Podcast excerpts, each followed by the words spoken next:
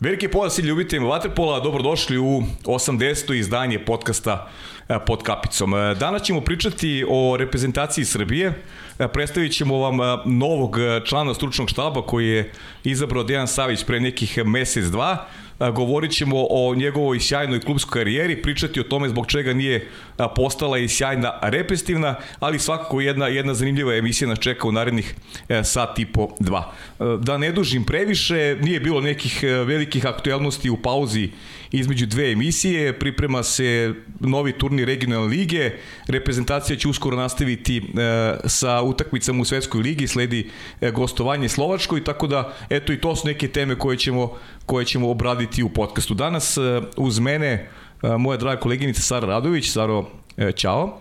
Zdravo, Pavle. Nadam se da si dobro, da si spremna za još jednu izazovnu emisiju. Naravno, kao i uvek. Dobro. kao i uvek sam spremna.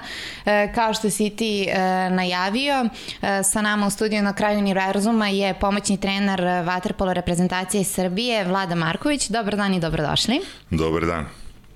E, I mi ono što uvek pitamo na početku svake emisije, kako se osjećate u ovom našem studiju? Odlično. Odlično, nemam tremu. Nema, nemaš tremu. Nemam tremu. Vladimir Marković je, je neko koji je, koji je e, svojevremeno e, slovio za jednog od najvećih svetskih talenata. Ja se sjećam kad sam, kad sam bio uh, mlad, kad sam bio mlad, ovaj, Vlada je bio uh, onako proglašan za legitimno naslednik Igora Milanovića jedan od e, najboljih svetskih centara, ali ćemo kasnije obraditi tu njegovu e, karijeru igračku. Osvrnut ćemo se na ono što je aktuelno, a to je njegov dolaz u reprezentaciju Srbije, pa Vlado, ajde da, da nam malo ispišeš kako se to dogodilo, koliko za tebe to predstavlja, eto, neku, da kažem, neku i časti i možda neki motiv da, da, da, da, ovaj, da napraviš nešto, nešto, ovaj, nešto lepo u trenerskom poslu. Pa ovako, motiv je sigurno ogroman. Velika je čast raditi sa najboljim trenerom na svetu, uh mhm. -huh. što nije samo moje mišljenje, nego mišljenje celokupnog sveta. Dobio i priznanja dosta na tu temu. Tako da motiva ima puno, ima došlo je do promena i, i u igračkom kadru reprezentacije, tu su neki novi igrači sada, tako da mislim da će to da bude jedna lepa avantura. Mhm. Uh -huh. E pa upravo to je možda nešto što bih vas sledeće pitala, s obzirom na to da je došlo do smene generacija. E, možda je malo nezahvalno da pričamo o tome s obzirom da tek predstoje utakmice u kojima će se pokazati kako se reprezentacija uklopila, ali kakav je vaš e, neki prvi utisak o, o trenutnoj situaciji unutar reprezentacije što se tiče tog igračkog kadra? Pa znate kako, ljudi su zamenljivi, ali su isto tako i neponovljivi, tako da to što je bilo, to se više neće ponoviti sigurno. Dolaze neki novi momci koji mislim da će dostojno zameniti svoje prethodnike i moje mišljenje je da je Srbija i dalje u vrhu. Mm. Što je najbitnije. Da. E, Vlado, kako si, kako si ti osjećaš u tom, u, u tom okruženju? Ti, ti si kroz rad uh, uh, trenerski manje više poznaješ te momke. Kako se ti osjećaš, kako si prihvaćen uh, od, od, od strane igrača i, i da li si u tom segmentu, u segmentu zadovoljan? Da, naravno. Pa, pri, odlično, svi smo prihvaćeni mm -hmm. odlično, pošto mhm. kompletan stručni štab je nov. Uh, momci su stvarno dobri, sjajni, trude se, treniraju, mislim da da im predstoji lepa karijera u reprezentaciji, bar na ove koji nisu do sad igrali. Mada u suštini veliki broj njih je već prošao kroz, uh. -huh. kroz, kroz neka velika takmičenja, pa neko vreme nisu bili, sad su se vratili, ali mislim da će to da bude onako kako treba. E, ono što je jako bitno za te momke i to često ističemo ovde, a, a ti, si, ti si onako najbolji, najbolje pozvan da govoriš o tome koliko je važno za mladi igrače što imaju ove iskusnije u sebe u klubovima, jer, jer samo tako i mogu da napreduju. Imamo sada bazu tih starijih igrača koji se vratili u srpski vaterpolo i ovi mladi uz njih napreduju i to treba da bude onako neki dobar, neki dobar putokaz, kao što si ti svoje vremeno kada si ulazi u prvi tim imao u sebe, pričamo nešto kasnije, velikane ovi igre koji su ti pomogli da, da, da, da, brže, da brže napreduješ i da stasaš uz njih?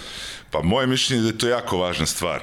Uh, ima mnogo toga da se nauči od, od pogotovo od igrača koji su, da kažemo, na, u neku ruku na zalasku karijere, koji su mnogo toga prošli na klubskom i na reprezentativnom planu, to je ogromno iskustvo za mladog igrača je to jako, jako bitno. E, Kakvo je vaše mišljenje što se tiče trenutne situacije u klubskom vaterpolu, pošto smo svedoci toga da, da ide definitivno nekom uzlaznom putanju?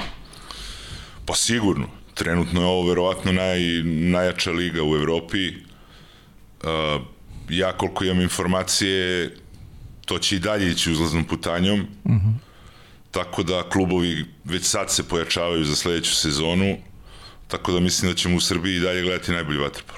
Uh -huh. Vlado, e, o, ova kalendarska godina je zaista vrlo zahtevna kako na klubskom, tako i repetitivnom planu. Srbija se priprema sada za nastavak Svetske lige, e, duel u Slovačkoj, jedna grupa mlađih igrača koja uglavnom igra u domaćim klubovima, koja je, ono što sam rekao, stasao uz, uz te starije iskusnije, dobit će šansu da se, da se pokaže.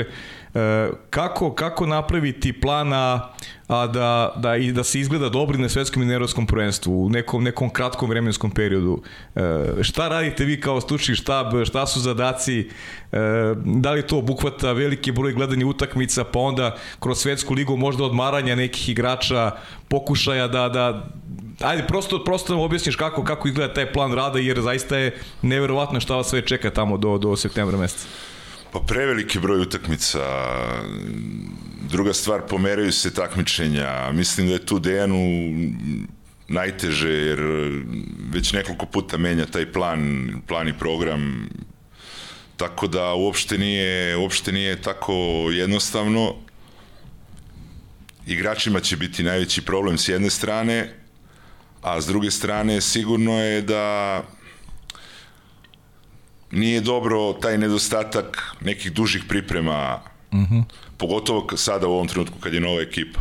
Uh. -huh. Znači, prijelo bi nam da ima malo više vremena za pripreme. Uh. -huh. Pa kako onda to kompenzovati? Kako napraviti neki, neki, neki sa, savršen balans? Šta su konkretno tvoje zaduženja u, u, u reprezentaciji? Uh, pa, konkretno moje zaduženja su centri i bekovi. Centri i bekovi, aha. Da, da. I kad pogledaš sad sebe, ovako kao, kad se pristiš sebe kao igrača, kako gledaš to ove nove mlade centre, nove nadoloći snage? Ja neću da ih, da ih imenujem, da ne bi ovaj, da, da, da neću da uzimam ulogu nekog trenera, e, nego prosto eto svi koji su na okupu ti centri, kako oni tebi izgledaju, ne moraš da ih imenuješ, da li si zadovoljan tim kvalitetom? Pa izgledaju odlično, naravno uvek mm -hmm. postoji neki prostor za napredak, za dalji napredak, mm -hmm. ali, ali ovaj, između ostalog, e, pa dobro, ne, ne, nije problem da se imenuje. Pa ajde, što da ne.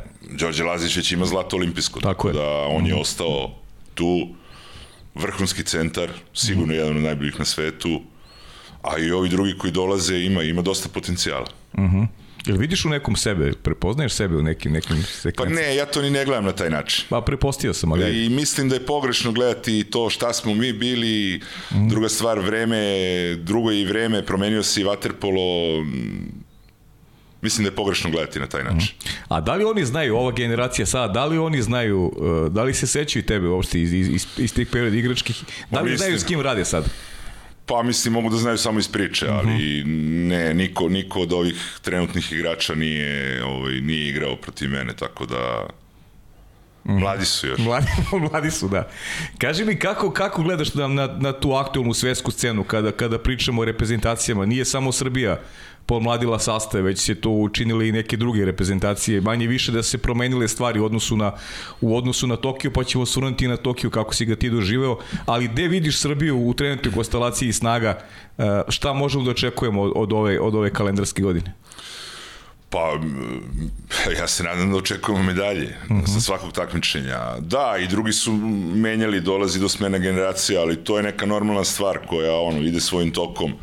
Neko promeni jedne godine, neko sledeće, ali manje više to sve ostaje isto, nema nekih promena. Veliki je broj kvalitetnih reprezentacija, nije, nije lako mhm. osvojiti medalju.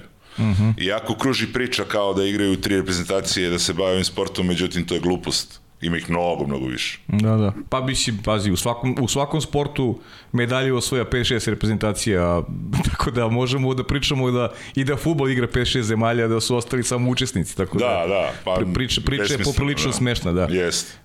E, imao si malo prilike, kaži mi, kako, kako gledaš uh, na, na reprezentacije sa, ajde tog da kaži, nazovi neki drugi kontinenta. Znamo da su Australijanci i Amerikanci uvek uh, u dobrim izdanjima na olimpijskim igrama. Ili postoji tu šansa da se neko pojavi u dogledno vreme da poremeti malo, malo taj balans? Uh, ko, ko još ulaže u meri da bi mogli da, da, da se ovako približe evropskim, evropskim selekcijama? Pa ja mislim da su tu Amerikanci u najboljoj poziciji. Mhm. -huh. Imaju dosta mlad tim, imaju vrhunskog trenera naravno, našeg. Uh mhm. -huh. I ako uspeju da održe na okupu ovu reprezentaciju, mislim da imaju velike šanse za medalju. Ne bi bilo iznenađenje, bar tako da kažem. U Parizu, a? U Parizu, da. Uh mhm. -huh. Možda čak i malo ranije. Uh -huh. Pa ne znam da li imamo još neka pitanja što se tiče reprezentacije. Pa pazi, što se tiče reprezentacije, ja i mogu ovako dva sata da pričam, znaš, uvek ima, ovaj, da, ima, ima interesantne pitanja za reprezentaciju. Uh, ono što, ono što, što mene još zanima vezano za, za te neke za te neke pripreme i uh, koliko je eto i taj kalendar uh, uticao da, da, da, da možda se promeni neki način razmišljanja. Znam da, da pre, pre ovo svetsko prvenstvo Budimpešti da Matine nije bilo, nije bilo ni u planu manje više, da, se, da je to sve nešto ad hoc uh, donešeno, pa koliko to se možda utiče na, na, na eto, možda nedovoljno dobre pripreme za, za, za takvo takmičenje kako je svetsko prvenstvo? Pa, mislim, verovatno utiče, ali nema izgovora, jer kako je nama, tako i drugima. Uh mhm. -huh pogotovo u Evropi, jer svi igraju svoje prvenstva, igra se Final Eight, e, Lige šampiona, tako da svima je isto, svi imaju iste uslove, vidjet ćemo ko će tu najbolje da se pokaže. Mhm. -huh. Ok. E sad ono što bi možda, eto, uh, pro, da li je protekloj nedelji zvanično Dejan Savić postao trener Crvene zvezde. E sad nas zanima da li je to uticalo na, na vas u stručnom štabu uh, ili on i dalje uh, tu istim intenzitetom kao što je to bilo ranije? Ma ne, on je istim intenzitetom tu, tako da to nema apsolutno nikakve veze sa, sa radom u reprezentaciji čak šta više, malo će da trenira. Evo, Vlado, ti si, ti si ovaj i e, rekao si, pričali smo o tome pre emisije, imaš trenersku licenciju još od 2002. godine, pre nego si po, postao po pomoći Dejana Savića reprezentaciji, radio si u Partizanu. U, e, pa ajde malo da, da, da uputiš ovako javnost e, šta si sve radio kao trener e, od perioda kada si završio igračku karijeru, kasnije ćemo se bavimo isključivo igračkom karijeru. Pa da, ja sam počeo kao trener da radim u Italiji sa, sa mlađim kategorijama i ovaj, to je trajalo određen niz godina. Onda sam 2020. otišao u Peru, mhm. tamo sam bio selektor ženske reprezentacije. Posle Perua sam počeo u Partizanu da radim. Uh -huh. 2006. je bilo jedno vreme, 2006. godište i 2008. godište. Uh -huh. Znači to je ovo, do še, ispod 16 i ispod 14 godina. Uh -huh. E sad kad smo se baš dotakli te ženske reprezentacije, Aleksandra bi tu ovaj, preuzela inicijativu da vas pita dosta toga, ali kako vam se čini situacija ženskog vaterpola uh, u Srbiji? Pa situacija je takva da dogod ne bude bilo većeg broja klubova sa mlađim kategorijama, to je vrlo bitna stvar, uh, teško može da ima, ima napretka i sada, ali teško može da ima nekog velikog napretka u smislu da dođemo do toga da osvajamo medalje u, u, u mlađim selekcijama reprezentacije. To je jedan ozbiljan dugotrajan proces od jedno bar šest godina pod uslovom da svi klubovi imaju mlađe kategorije, što trenutno nije slučaj. Trenutno, koliko ja znam, Zvezda, Zvezda radi dosta dobro, nešto Vojvodina, Palilula, čini mi se, ali tu se otprilike priča završava što se tiče mlađe kategorije. Uh mhm. -huh. Ovi drugi klubovi insistiraju samo na, tako imaju, imaju prvi tim. Na da, tako. ima, da, ima nekoliko klubova koji imaju prvu ekipu, ali to je da, da. to je za nešto ili ozbiljno suviše malo. Uh mhm. -huh. Te momke koje si, koje si napomenuo, ajde da se E, pričat ćemo kasnije nešto o Peru, e, Partizanu. E, koliko se tu popravila situacija? Ti si došao to 2020. godine, posle, posle Perua, počeli su neke stvari da se menjaju. 2021. Ja sam pogrešio. 2021. Početkom 2021. Eto, da. tu su već počeli neke stvari da se menjaju, menjaju unutar predana. Znam koliko ranije bilo malo dece u klubu, sada je to, to malo veća baza nije isto kao u tvoje vreme kada je, kada je bilo mnogo dece na banjici, ali kako ti se čini sad iz tog ugla stvari u Partizanu, e, koliko ima talentovan dece, ali ne treba da brine Partizan za, za budućnost kada je, kada je taj segment u pitanju? Pa popravlja se situacija lagano, ima da, ima više dece sada nego u, u nekom periodu prethodno, međutim to je još uvek nedovoljno i, i pored svih ovih medalja ispada da vaterpolo nije baš mnogo popularan u Srbiji. Mm -hmm. Da. Vero, verovatno on delom i zbog toga što neki drugi sportovi su mnogo unosniji, mnogo popularniji, mnogo više praćeni na televiziji i u medijima, ali mislim da ide na bolje. A što se tiče talenata, mi smo talentovani za sve kolektivne sportove i mislim da tu nikad neće biti nekih velikih problema. Pa da, ali potrebno je da se da postoje ti uslovi sa strane kako bi kako bi taj talent mogao da ispliva. Ja znam, skoro mi je pričao uh, Stefan Ćirić da je ovaj mali Jović, košarkaš koji je počeo vaterpolo da je bio u Partizanu. Jest, da je jest. bio u Partizanu, da se kasnije priorientisao na na košaku. Dakle, mora da se da postoje uslovi koji su danas da bi se ti momci zadržali zadržali u vaterpolu. Pa dobro, uslovi su trenutno dobri. Da. Na, što se tiče bazena, objekta i što se tiče trenerskog kadra, mislim da da ide pravim putem. Uh mhm. -huh. Šta ti radiš trenutno u Partizanu? Ajde malo da, da, da pričamo o tome. Trenutno vodim košutnjak, to je prva B liga, ali to su mlađi igrači. Uh mhm. -huh. Ima i nekih 2600 godište iz Partizana. Uglavnom su to Partizanova deca. Uh mhm. -huh. I kako si zadovoljan, kakvi su to, kakvi su momci, kakvi pa moglo talenti? bi, moglo bi mnogo bolje. Moglo bi mnogo bolje, a? Moglo bi, moglo bi mnogo bolje. Uh -huh. U smislu... Pa to je, neki plan je bio da to bude razvojni tim Partizana uh mhm. -huh. kao što je i Banjica. Uh mhm. -huh. Praktično u, u ovom trenutku Partizan ima superligaša, ima Banjicu koja je prva liga, ima Košnjak koja je prva B liga, uh mhm. -huh. tako da to je neki plan da se rasporede svi igrači da, da budu i dalje partizanovi, a da, da nađu svoje mesto u nekom od klubova. Aha, da imaju neki takmičarski, da, takmičarski da, ritam. Uh -huh. Tako je. Mm. I de, koji ste sada da, na, na tabeli? Pretposlednji. Pretposlednji, ja. Da. Pa da, zato ti kaže da je mogo bude bolje. mnogo bolje. mnogo bolje, da. Ovi, hoćemo malo da se dotaknemo tog Perua, kada pričamo o trenerskom poslu. Šta je radio Vlada Marković u Peru? Daj malo približi nam tu zemlju. Prvi, ti si prvi gost koji ima priliku da nam priča o, o Peru. Gde si, si u Limi bio stacioniran? U Limi, da. Uh mhm. -huh. Lima je sjajan grad. Sjajan grad od 13 miliona stanovnika, ali nemaš utisak da je tako veliki. Aha. Uh -huh fenomenalan za život. Ljudi su vrlo slični ovom našem podneblju ovde. Uh mhm. -huh. Uslovi za rad su fenomenalni i, i za saveza njihovog vaterpolo stoji država, tako da što se toga tiče tu apsolutno nikakvih problema nema. Uh mhm. -huh. Problem je bio ova situacija oko, oko korone i to, to je poremetilo sve, tako da to je možda jedini razlog što sam se ja vratio tako Aha. brzo. Uh mhm. -huh. Znači, to, to, to nije bio plan? Pa ne, ne. Plan je bio bar još jednu dve godine. Uh mhm. -huh. Moj lični plan je bio da ih odvedem na olimpijadu.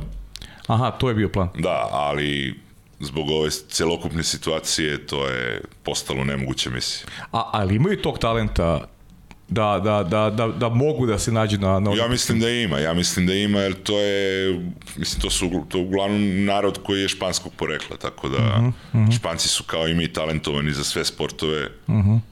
Mislim da da ima uz, uz adekvatan rad da postoji ogr, ogromna mogućnost napredovanja. Uh -huh. Da li bi preporučio neku devojku odande da, da, da dođe da igra za srpski, za srpski klubove? Pa ne, mislim da imamo dovoljno naših. Uh -huh. Mislim da imamo dovoljno naših, a iza njih je Evropa malo predaleka. Uh mhm. -huh. Ipak je to mnogo daleko da. Uh mhm. -huh. Šta si radio tamo dok, dok nisi provodio vreme pored bazena? Šta to kupilo? Isi gledao neki futbol? Šta si radio u, u, u, u Limi?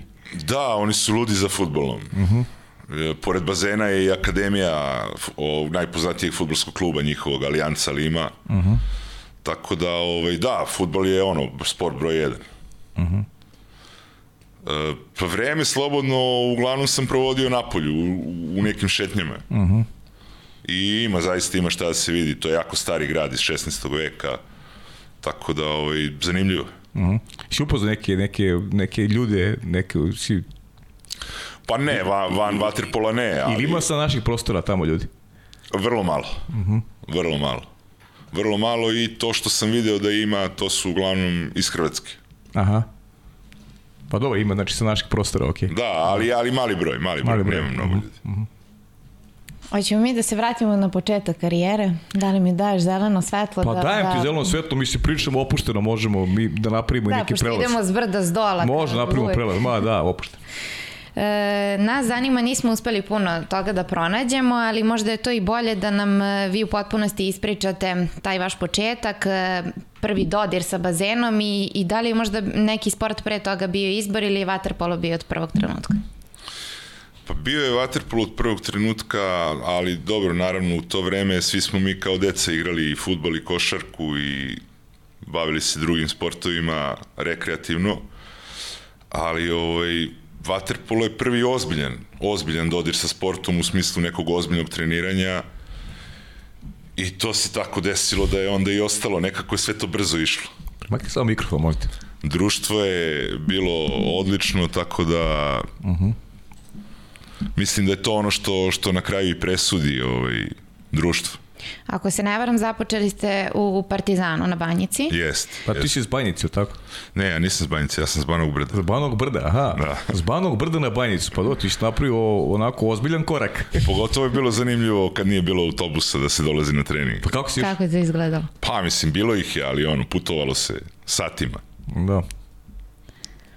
E, kako izgledaju trenzi, kako izgleda ta Partizanova škola? Slušali smo mnogo ovde o njoj, ali je uvek zanimljivo da čujemo iz neke druge perspektive kako izgledaju ti, ti trenzi u početku. Pa u početku se kreće dva puta nedeljno, bar je tako bilo nekada. Ovaj, samo plivanje, učilo se plivanje, onda kasnije ko napreduje prelazi na tri puta nedeljno i onda se dolazi do toga da ima svaki dan treninzi. Partizan je tada u to vreme imao vrhunske trenere za, za, za mlađe kategorije, tako da relativno brzo smo prošli taj neki put od početka do, do prvog tima. Bilo bi dobro upravo da pomenemo ako o, možemo da se prisjetimo tih trenera koji su bili i sa kim ste trenirali u tom trenutku. Pa Od nažalost, nažalost poznati. samo, samo Petar Popović je živ, Aleksandar Maksimović je preminuo, čuveni Mirko Bosanac je preminuo, tako da, a niko od njih više ne radi, naravno, već su to ljudi u godinama, a bilo je tu puno, puno momaka koji su u nekom trenutku i, i ovaj, prestajali da se bave vaterpolom. Da kažem, od ovih aktuelnih, moja generacija je, sad, nabrajam nekog zaboravim, onda će da bude mene si zaboravio, ali Neće se ljuti niko. Dejan Savić, Miloš Sekulić, Danilo Ikodinović, Petar Trbojević, Nikola Kuljača, Žarko Petrović, Predrag Mihajlović, koji inače uh -huh. zajedno u stručnom štabu, da. Tako da, to je negde tu bliska generacija, a sad, naravno ima i pre i posle, suviše dugačka lista za, da, Da. bi se nabrajalo. Jedna ozbiljna ekipa. Da. A kaži mi, si, si imao još nekog partnera sa brda s kojim si dolazio na trening? Ne, Sam ne, još. ali je, A baš me ali, čudi da, kako da, si... ali dobar deo njih je bio recimo Predrag Mihajlović, Žare Petrović, oni su bili na Vidikocu. Aha. I još neki momci. Uh -huh. A onda usput smo skupljali Da, da, da, Dejan da. Savić i Dače Kodinović na Miljakovcu. Miljakovac, da. I to je onda bila linija autobusa. Da, tako da, da, da. i autobusu je bilo zanimljivo. Da, svaka čast. To je, to je prava ljubav onda kad... To je baš ljubav prema sportu. Kad, kad putuješ ovaj, negde daleko ti je klub, treninzi, a stižeš sve na vreme. Da, I si usklađivo to sa školom, sa, sa druženjem s ljudima, sa, sa djecom iz kraja. Mislim, ipak je to neko, neko vreme kad smo osuđeni na, na, na, na društvo iz kraja. da, ali vremena za društvo iz kraja je bilo jako malo. Jako malo, a? Jako malo. Mm. Ovo drugo može da se uskladi naravno, ali baš za sve nema vremena. Uh -huh. Vlado, kad si spoznao, kad si ti spoznao, negde si ti postao svestan da, da imaš dar za, za, za sport kojim se baviš i da i da je, da je sport e, taj kome ćeš e, posvetiti život. Da li uopšte možda spoznaš tako nešto u tim nekim mladim godinama? Pa mislim da ne, mislim da niko nije dovoljno zreo u tim godinama uh -huh. da, bi, da bi bio svestan toga, nego to jednostavno upadneš u tu neku mašinu i to ide samo. Uh -huh. A su ti treneri govorili da si, da si, da si ne, taman posle. Ne, a, to se ne, nikad nije govorilo. Nikad se nije govorilo. ne, ne, samo ono što je pogrešno, ono što je dobro. Ono što je dobro se ne nema govori. Nema hvaljenja, ne, ne. Da. Pa ili, ili taj neki taj neki model i ti danas koristiš kao trener ili ili se ili s promenom s promenom Znaš kako, manje više, ali moramo da se prilagodimo i e, vremenu to, u kom to, živimo. Da. To je jedno je vreme to tada, a drugo je vreme ovo danas, tako da uh mhm. -huh. moramo da budemo u, u skladu s vremenom. Uh mhm. -huh. Rekao sam na početku emisije, to je ono što što su mi govorili manje više svi akteri, kako ove emisije, tako, tako i, i kroz druženje sa, sa predstavnicima starije generacije. Vlada Marković je, kažu, bio legiti naslednik Igora Milanović, da se takav centar nije pojavio e, kao ti u to vreme, pa e, kada, kada napravimo ovakvu najavu, ljudi očekuju ok, znači Vlada je osvojio sijaset nekih medalja velikih sa, sa velikih takmičenja, pa ajde ti nam ovako iz prve ruke e, kaži, ovo, ajde prvo da se dotaknemo tog debija, pričali smo i pre emisije, imao si 15 godina kad si debitovao za, za prvi tim Partizana i sjeća se da su reakcije bile fenomenalne. Evo ga novi Igor Milanović, bukvalno je bukvalno svaka reakcija bila. Pa dobro, da. E, Nema da budeš prva, skroman. Prva, da utakmica, prva utakmica je bila protiv Poška iz Splita i bio je odmah gol. Naravno, nisam ja tu igrao mnogo, nekoliko minuta, ali odmah je bio gol, jedna šauba je bila. Uh -huh. Tako da taj prvi go se uvek pamti, ove druge više ne pamtim, ali, ali to se pamti. Mm -hmm. Da, bilo je dobro, e sad to, znaš, pričamo šta bi bilo kad bi bilo, to je potpuno nevažno. Igor je Igor, jedan i neponovljiv, imao sam čas da budem i u sobi s njim, mm -hmm. na mhm. pripremama nekim reprezentacije davno, tako da, ovaj, bilo je dobro. Ja sam u suštini ono, zadovoljan svojom karijerom, nisam kao što se sada ovaj, iz ovog ugla više, više me zanima odbrana nego napad, tad me zanimao samo go. Aha. Iz više razloga. Jedan od razloga je što kad daš go, onda možeš lagano da se vratiš. Da, jest, jest. Tako da, ovaj, i bilo je, bilo je puno golova, tako da... Pa dobro, to je neka dogma srpskog vaterpola, pa sve polazi u dobre obrne, tako da... Ma da, naravno, ma ne, i to i jeste najbitnije, i ne mm. samo u vaterpolu, nego u svakom sportu. Jeste. Mm ali ovaj, kad si u bazenu onda malo drugačije razmišljaš, pogotovo pozicija koju sam ja igrao. Da. E, kad, kad si se profilisao kao, kao centar? Kad je postalo onako jasno, ili si fizički odskakao od drugih ili, ili su neki drugi elementi presudili da ko te uopšte, ko te uopšte ovaj, negde da kažem, regrutovao da, da, da budeš centar u vaterpolu? Pa znaš kako, mi smo tada, mislim da je to pravi put i sada, u principu svi ti mladi igrači treba da prođu sve pozicije i, uh mhm. -huh. i trebalo bi da znaju, bar u, u nekoj određenoj meri da, da odigraju na bilo kojoj poziciji, a recimo da mogu da kažem da neko ko je baš ono insistirao na tome je bio pokojni Nenad Manojlović, uh mhm. -huh. koji je nas vodio jedan određen period i kasnije i u prvom, prvom timu Partizana i on je dosta radio individualno sa mnom na, na tim nekim elementima i naravno dosta mi je pomogao. Uh mhm. -huh. Rekao si malo pre da, da radiš danas sa centrima i sa bekovima. Koliko se razlikuje taj, taj neki trening e, centara i bekova u odnosu na, na, na, neki, na, neki, na neki druge pozicije? Pa znaš kako... Sušt... Konkretno je to centara, bio si sam centar. Da, da, pa mislim razlikuje se, da. Mada danas je Waterpolo postao igra koja si, mnogo se više stoji na nogama i mnogo su bitne noge danas. Uh mhm. -huh. Nekada su bile bitne, ali za centra i beka. Uh mhm. -huh. Spoljni igrači manje više, a ipak se promenila igra. Ovaj, pa ima neke razlike, ali suštinski možda najveća razlika je u toj nekoj kondicionoj pripremi gde, gde ovi lakši igrači moraju više da plivaju, a centri i bekovi malo više rade na, na nogama i to je neka suštinska razlika, ali manje više to slično. Mhm. -huh.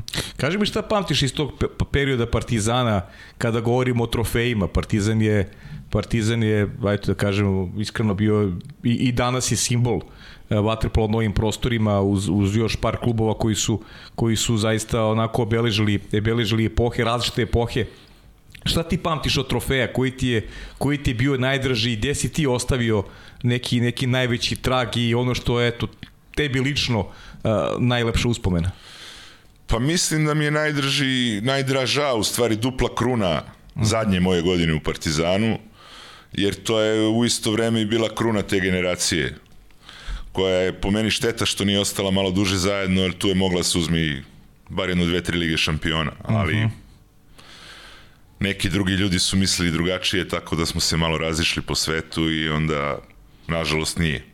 Pa da, to je neka priča Partizanova nazad 15 godina, da kad god je neka generacija stasa manje više dolazi do razlaza, znači to je, da. to je, to je neka, neka sudbina i tvoje generacije. Da, da. Mm. Nažalost. Na, nažalost, da. Nažalost. E, kada prvi put odlazite iz Beograda? 95. godine u Sirakuzu, Ortiđe.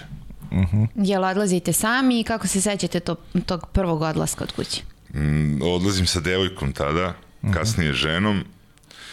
Pa nis, znaš kako, mi smo navikli da, da putujemo, putovali smo mnogo i od, od kao ono, od, od malih nogu da kažem.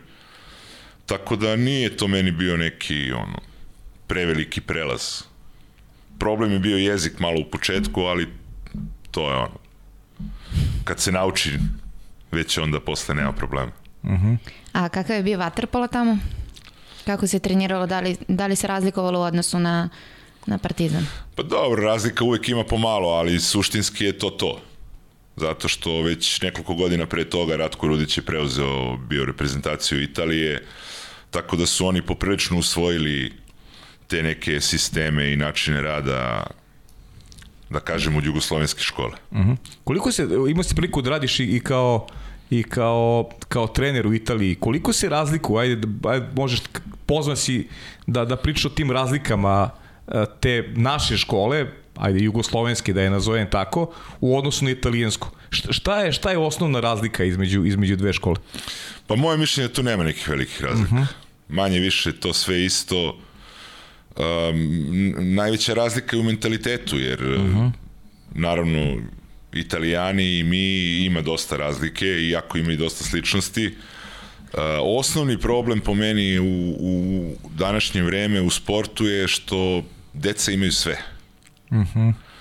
I jako je teško naći neko dete koje je željno. Da, da.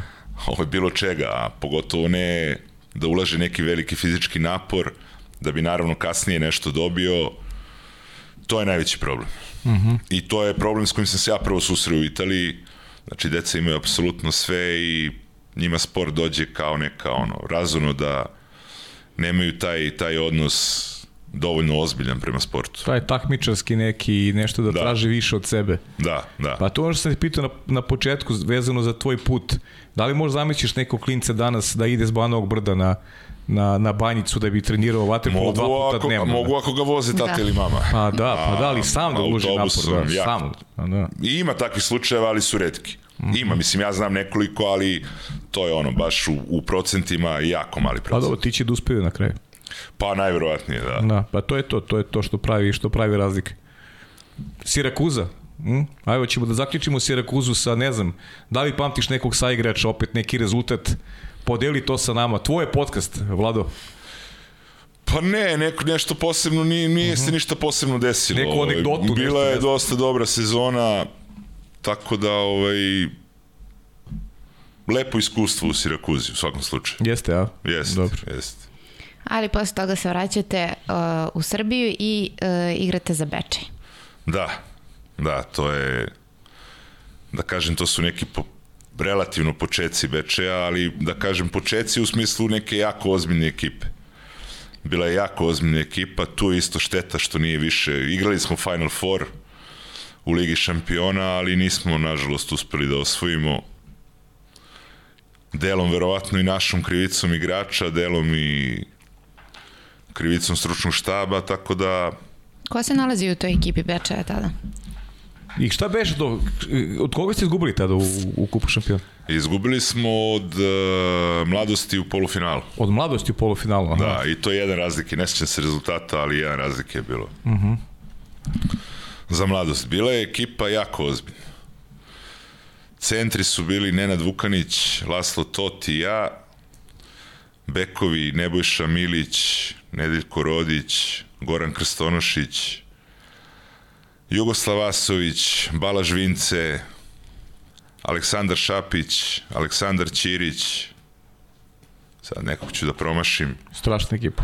ali, ali jako, jako ozbiljna ekipa. Ištvan Mesaroš, Ništa Mesaroš, da. golmani su bili Dragan Jovanović i Denis Šefik, tako da jako, jako dobra ekipa. Mhm. I naravno osvojili smo duplu krunu bez nekih velikih problema te godine. Da, i Beči koji je stvarno u to vreme bio sportski grad. Sećam se da da su imali i, prvo, i futbolskog prvoligaša, dugi niz godina su igrali vrlo ozbiljno, su igrali u prvoj ligi Srbije. E, kako si ti onako doživeo Beči, stvarno jedna sredina, jedna mala sredina, ali ali koja je, koja je lepo prihvatila a, sve sportiste. Jest, misli jest, sportski grad, sportski da, grad da, baš. sportski grad koji je živeo za sport, tako da jako lepo bilo tamo. Eto, ostaje žal, štete za, za, zbog, zbog, zbog, Zbog Lige šampiona, zbog Lige da. šampiona, da. Da. Pa to bi ti bio, to bi ti bio i najveći trofej sigurno u klus karijera, tako? Pa da, sigurno. To mi je možda jedino žao što nisam osvojio. Kup šampiona. Da. A, dobro, Da. okej. Ajde pričamo kasnije o reputaciji. Da, da vidim da li ti još nešto žao, ajde, o tom potom. E, nakon toga opet se vraćate u Italiju. Da, A ovog Breš. puta Breša, da. Da, Breša koja je te godine krenula ovaj, sa pravljenjem nekog uzbiljnijeg tima. E, pokojni Piero Borelli, nažalost, nije živ, on je tvorac te Breše. I ovaj, teško mi malo i kad pomislim na njega, jedan sjajan čovjek koji je bukvalno posvetio svoj život vaterpolu. Da, ajde pričamo o njemu, zaslužuje stvarno da... Inače je čovjek koji je rođen u Civitaveki gde sam ja kasnije proveo sedam godina. Veliki sportski radnik, ništa mu nije bilo teško, uvek je sve bilo moguće i sigurno bez njega Breša ne bi bila ni blizu ovome gde je danas.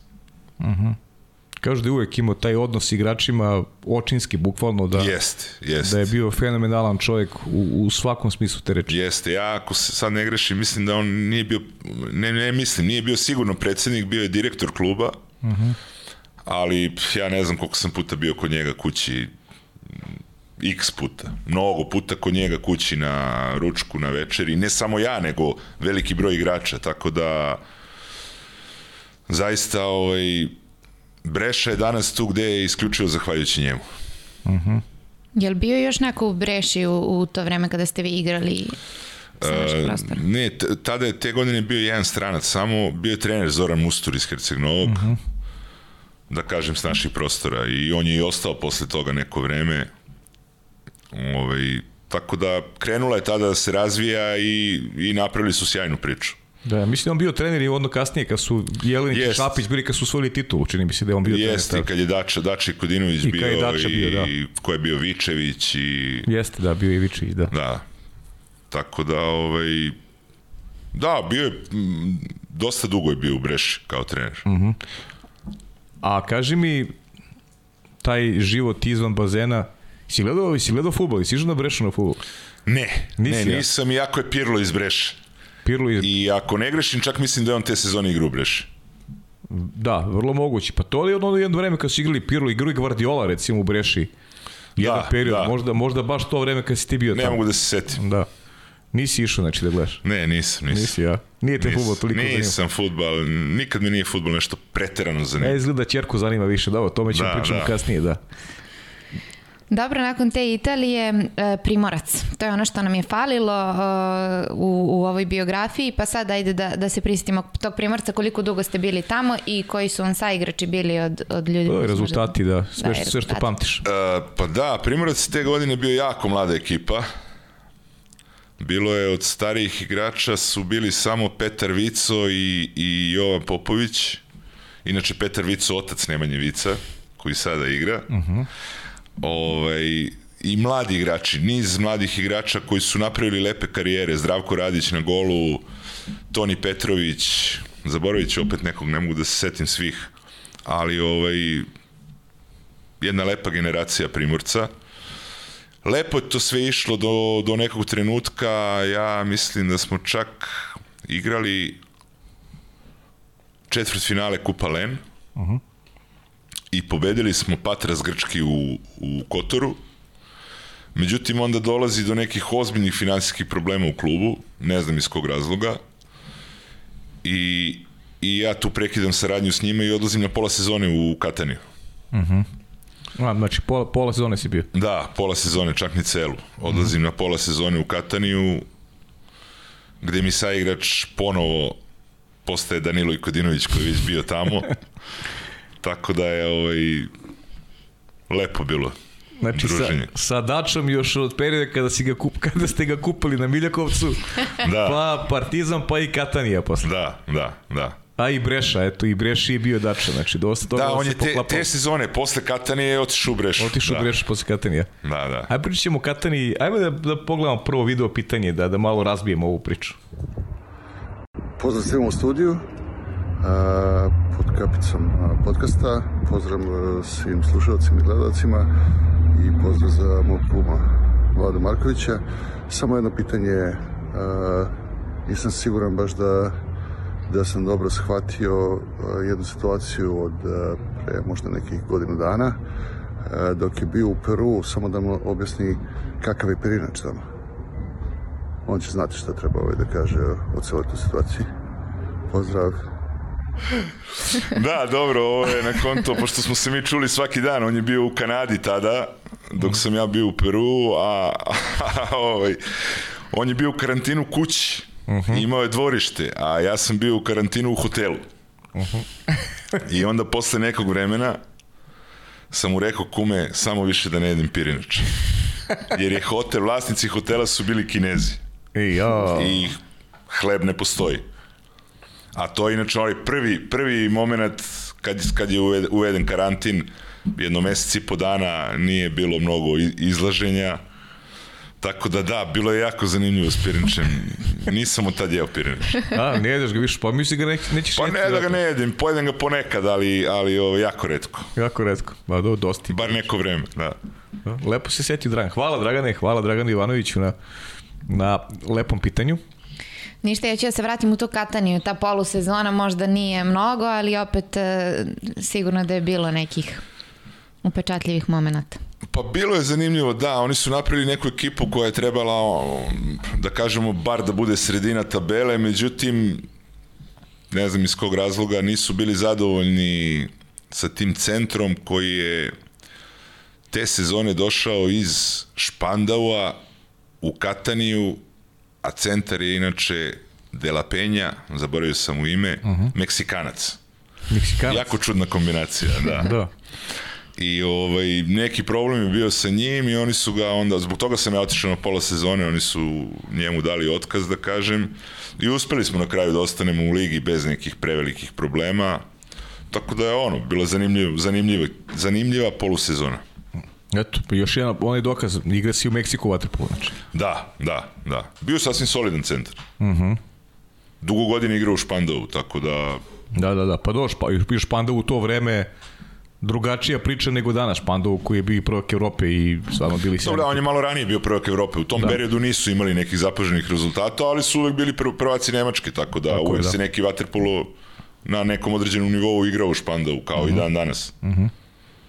Dobro, gde odlazite nakon, nakon Nakon Katanije, Katanije. Čivitavekija, sedam godina. Au, pa to Da. ti je kao u Partizanu, najviše. malte ne. Da, da.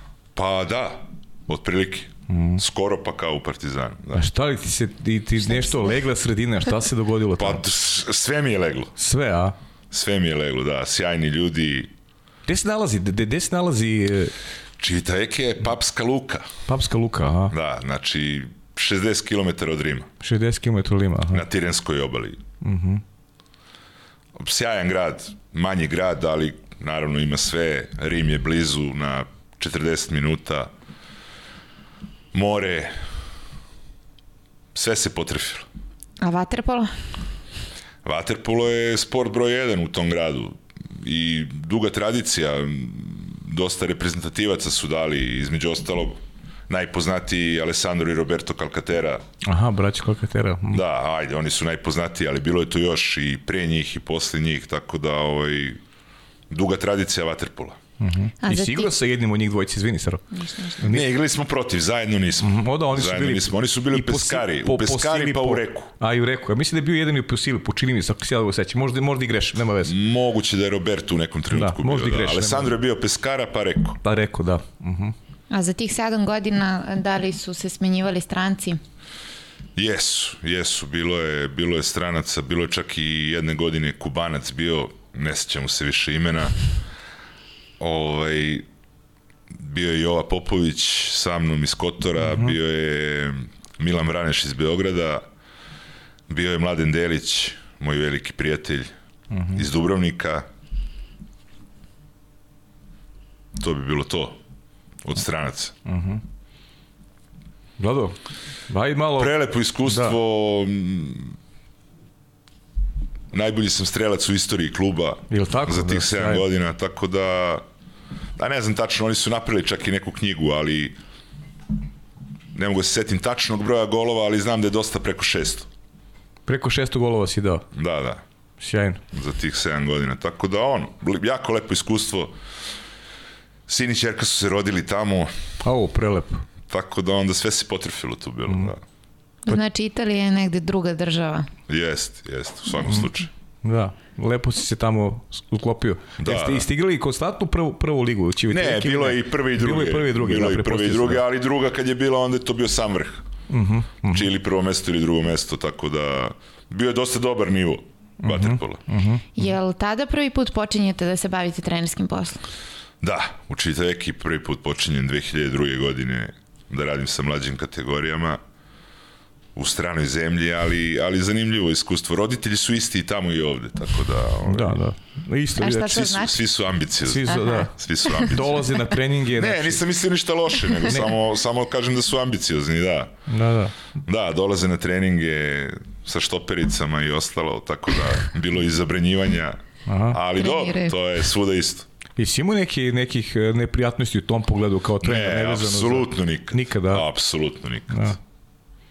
Pošto znam da je ranije bilo u ono tvoje vreme da roditelji nisu ni smeli dolaziti na treninge. Mislim, opet kažeš Ne, to. naprotiv. I su smeli, ali nisu Vrata nisu su bila dolazili. širom otvorena, ali niko nije dolazio. Niko nije dolazio. Da, da, niko nije dolazio. To je, tako, to je bilo, da. Niti su pričali o vaterpolu uopšte, među sobom.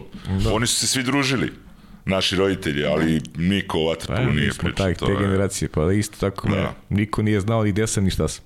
Pa to, otprilike, to. da. Da li je to dobro ili loše? Pa neka sredina, možda neki, neki balans. Pa možda je malo Između onog vremena i ovog bi bio jako idealan, ali Da, dve krajnosti, rekao bih. jest, jest. Sad, koja je bolja, nisam siguran. Da, ajde još neka, sad kad bi trebao da pošliješ neku razglednicu iz Čivita Vekije, šta bi još dodao u, to razglin, u, u, u toj razglednici? Šta još to pamtiš? Mislim, mnoge lepe stvari se dogodile. Eto, rođenje i dece tamo i... Da, pa, pa znaš kako, šta pamtim, e, ne samo da pamtim, nego mi je ostao ogroman broj prijatelja iz tog grada, E, to, s kojima da. sam i dan danas u kontaktu, tako da, ono, to ostaje za ceo život. I mi mogu zamisliš sebe da živiš tamo. Da, bez problema. Bez problema. Pa dobro, ko, ko zna reći trenerski put da te odvede? Pa to se nikad ne zna. Da. U skorije vreme ne, ali Usko dobro, skorije vreme ne, okej. da. Imaš jedan put sada, dobro. A kako je došlo do te prve odluke da počnete da se baviti trenerskim poslom? Pretpostavljam da ste dobili vjerojatno ponudu i onda ste... Pa ne, nije bila stvar ponude, ne znam, to je nekako prirodan put valjda, ovaj, da i jedan od načina da ostaneš u sportu, drugi način je da budeš neka vrsta sportskog radnika, što mene lično nikad nije mnogo zanimalo. E, volim da radim sa decom, to je nešto što ispunjava. Mislim da da, divno je raditi u reprezentaciji, ali posle toga mislim da je da su deca ono što je najlepše. I tu se mnogo lakše vidi rezultat rada. A, a ideja da se baviš trenerskim poslom, da li ima neke veze sa prošlošću i sa trenerima koji su tebi oblikovali karijeru? Pa ima sigurno, jer e, ne samo da su nam oblikovali karijeru, e, učili su nas i životu, što je vrlo, vrlo bitna stvar. Da. Nekad, nekad, je, nekad je uloga trenera uz dužno poštovanje, ja, ja govorim iz svog iskustva, važnija je nego, nego roditelja, jer, jer, jer, jer ja a priori neka Ajde da ne kažemo da je važnija, ali podjednako, podjednako je važna. Pa jest, da, ali nekad, jest. nekad imaš gard prema roditeljima, kao, Tako kao je. dete ne kapira šta ti pričaju, imaš neki bunt, Tako je. a kad ti kaže trener koji još je dobro nameran i zna šta jest, treba da kaže jest. i te kako može da utiče na tebe. Jeste, jeste, u svakom slučaju. Zato kažem podjednako je važno, ne verujem da je Ne da, možemo okay, kažemo pa da je dobro, važnija, naravno. ali, ali je podjednako Jeste, važna. naravno, okej. Okay. Kao što je nekada i, i, i škola bila isto važna, Da. Danas je to u manjoj meri, ali, nažalost, mm Mhm. -hmm. ali ovaj, bitno bitno je, trudili su se pre svega da, da naprave ljude od nas. Mm Mhm. -hmm. A onda tek je, da kažem, išao taj deo sportski. Ćemo pre povratka opet u Srbiju da pustimo sledeće video pitanje. Ajde, može, može, ajde. Pozdrav mom e, dragom prijatelju i bivšem igraču i sadašnjem kolegi Vladi Markoviću. E, moram da mu odam priznanje da nikad u svojoj sportskoj karijeri nije bolje izgledao nego sada. A pitanje je za njega da se podsjeti e, dana u Crvenoj zvezdi i kako je uspeo na parkingu ispred e, Sava centra da ubedi neki igrače da odu da odigraju posljednju utakmicu u sezoni. Pozdrav! Da, Dejan, hvala mu na pitanju. Pa ne mogu ni da se setim toga, ali ovaj, to je kao standardna priča kod nas. Bilo je nekih finansijskih problema, pa je bilo da li ćemo da, da prekidamo prvenstvo, da li ne. I onda, ovaj, naravno, ja sam i s njim tada razgovarao. Mi se znamo dugo, dugo, dugo. Ja mislim da se Dejan i ja znamo nekih 37 godina. Tako da, ovaj, ipak smo odlučili da to završimo, jer ne bi bilo lepo ni da se provlači kroz štampu. Ali, ovaj, standardna priča u Srbiji. Da. Uvek su financije problem. Jeste, jeste. Pa eto, to je, to je neki, neki šlagvor, Dejanovo pitanje, Saru, pravi tajming za period koji si proveo i u Crvenoj zvezdi. Eto, ti, ti si... Nakon tih 7 godina. Tako je. Od, Da, to je jedini klub koji mi je ostao dužan. je, jedini klub u karijeri. Jedini klub Zaista. u karijeri, da. Ja da. sad ste javno rekli, možda se nešto promeni. Ma ne, ne, ali to nije ova zvezda sad. Da, da, da. Tako da ima velike razlike. Jeste. Prolazila je, ovaj, da, nosila je ime, ali je prolazila kroz raznorazne faze, tako da to što je bilo tada i ovo sada nema veze jedno s drugim. Mhm. Tako da nije s tom namerom. Da, da rečeno. Da. Ne, ne, ne, tamo da. posle. Dobro, pa ajde, os, osim, Osim toga, toga. osim, to, osim tog dugovanja, kakve, kakve eto, uspomene Pa, nosiš iz tog perioda? bili smo, završili smo kao drugi iza Partizana tu sezonu. Isto je bio poprilično mlad tim. Dejan je bio trener. Uh -huh. Mislim da je, da je dobro radio. Da, evo možda zanimljivost. Uh -huh. Pomoćnici su bili Uroš Stevanović i, i Isaković. Eto, sjajno, da. Uroš Stanović, trener Radničko, Milo Saković, trener Valisa. Da, da, da. Da. Ali ovaj, izuzev tog finansijskog dela bila je sjajna sezona. Lepo druženje, sve je funkcionisalo. Partizan je imao mnogo bolju ekipu te sezone, tako da to se nije ono, ni dovodilo u pitanje da će oni da osvoje. Ali ovaj, lepo, lepo iskustvo. Pa do, ti si tada već uliko bio i trener, i si eto prosto e, ono, igrao si još malo, igrao si za neko svoje zadovoljstvo i tako. Da, Teo si da. da, da, da potraje karijera, o, očigledno se osjećao dobro, jer posle Crvene zvezde e, napravio si još jedan ovaj odlazak. Da, u Dinamo iz Bukurešta. U Dinamo da. iz Bukurešta, da. Da, i to je jako lepo iskustvo. Uh -huh. Naravno, i, i, i odatle uvek, ost... iz, iz svake zemlje gde, gde sam bio uvek ti ostane bar dva, tri prijatelja, tako da Da, aha. ljudi s kojima si u kontaktu i trenutno recimo, ja njega znam još iz Italije, pošto i on igra u Italiji, uh -huh. trener Steaua, Aurelian Đorđescu, Aha. stalno smo u kontaktu, sad smo se videli kad je dolazio da igra sa Zvezdom, tako da lepa prijateljstva ostaju. Uh -huh, uh -huh. Inače, ta ekipa Dinama, mi smo nažalost bili drugi, uh -huh. Oradeja je bila prva, ali ovo, eto, iz te ekipe Aurelijan je trener Steaue, Edi Andrej je selektor Rumunije, a Alex Matej je predsednik Rumunskog saveza. Da, eto, da. Tako da, zanimljivo da iz iste ekipe svi su našli neko svoje mesto. I ti si u reprezentaciji Srbije. Da, da. E, a kaži mi Rumunija, eto, to, to interesantna mi je tema, zato što nekako, eto, da ne zamere ljudi ovaj, e, što, što ulazim u, u, u tu priču, ali moj utisak da su da je, da je malo opao kvalitet u odnosu na neko vreme E, kada su, kada su zaista pravili ozbiljne, ja se sećam nekih utakmica reprezentacije, što i stare države, na veliki takmičan protiv Rumunije, uvek pobedali tesne utakmice u tim nekim četvrfinalima, osmina finala, gol razlike. Znali su Rumuniji da pravi ozbiljan problem e, velikim svetskim reprezentacijama, ali postoji jedan određen pad u posljednjih godina. Pa jeste, ali mislim da je to vezano verovatno i za, za ovaj, taj deo priče da nije toliko praćeno ni tamo, ni medijski, plus oni nemaju ni rezultata na reprezentativnom nivou i onda je problem privući decu. Opšte je poznato, sva deca idu na futbol. Uh -huh. Pa onda ko ne ide na futbol, ako je malo višlji, ide na košarku da. ili odbojku, rukomet, vaterpolo je na nekom dalekom petom mestu. Da, ali da, da, da šta smete? To, to je nešto što važi i za, i za ove prostore ovde. Ali za Srbiju konkretno. Ali, ovi, znaš šta mi je neverovatno? To, to, je ne, to je neka zamerka svog mesta i, i ljudima koji se bave vaterpolom, što mo, možda nije taj agresivniji malo taj javni nastup i, i, i je promocija sporta kao takvog, smišljala nekih akcija koje bi animirale decu, ne znam, u smislu nekih turnira, letnjih, šta god, jer pro, prosto Srbija je najuspešniji u vaterpolu koliko god da deca hrle na, na futbal, košaku, pa možda i odbojku, vaterpolo je nešto što, što ovoj zemlji donosi benefit ozbiljan uh, i u smislu promocije na nekom svetskom nivou. I u smislu ugleda zemlje, u smislu naravno. ugleda zemlje. Naravno. Mi pričamo, pričamo o sportu koji od olimpijskih igara u Sidneju konstantno uzima dalje na, na olimpijskim igrama. Tako je. Što, što je zaista nešto što, što uh, je vredno ulaganja i vredno da, da svako razmisli, eto i roditelj unutar unutar svojih zido, zidina da kažu ok, mislim ovaj sport je nešto što lepo oblikuje i telo uh, dečaka, devojčice, šta, šta god, a pritom nudi mogućnost da se da se napravi jedna jedna lepa karijera u krajnjem slučaju. I mislim da u tom slučaju, u tom segmentu nedostaje malo agresivniji nastup oni koji se bave koji se bave vaterpolom. To je bakar moj utisak.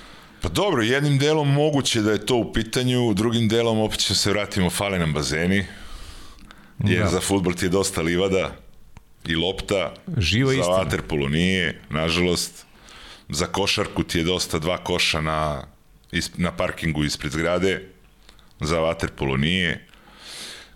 Ima pomaka i u tom smeru, priča se o, o, o novim bazenima i o rekonstrukciji postojećih, tako da nadamo se da će ovaj, i, i to uskoro biti, priča se o nacionalnom centru. Nemanja Marin je sede ovde prošle jest. nedelji upravo je govorio o nacionalnom centru. Da. Jest, jest. Tako da sve je to u, u, u nekoj fazi, da kažem, ovaj, razvoja, tako da nadamo se, fa, Beogradu fale bazeni.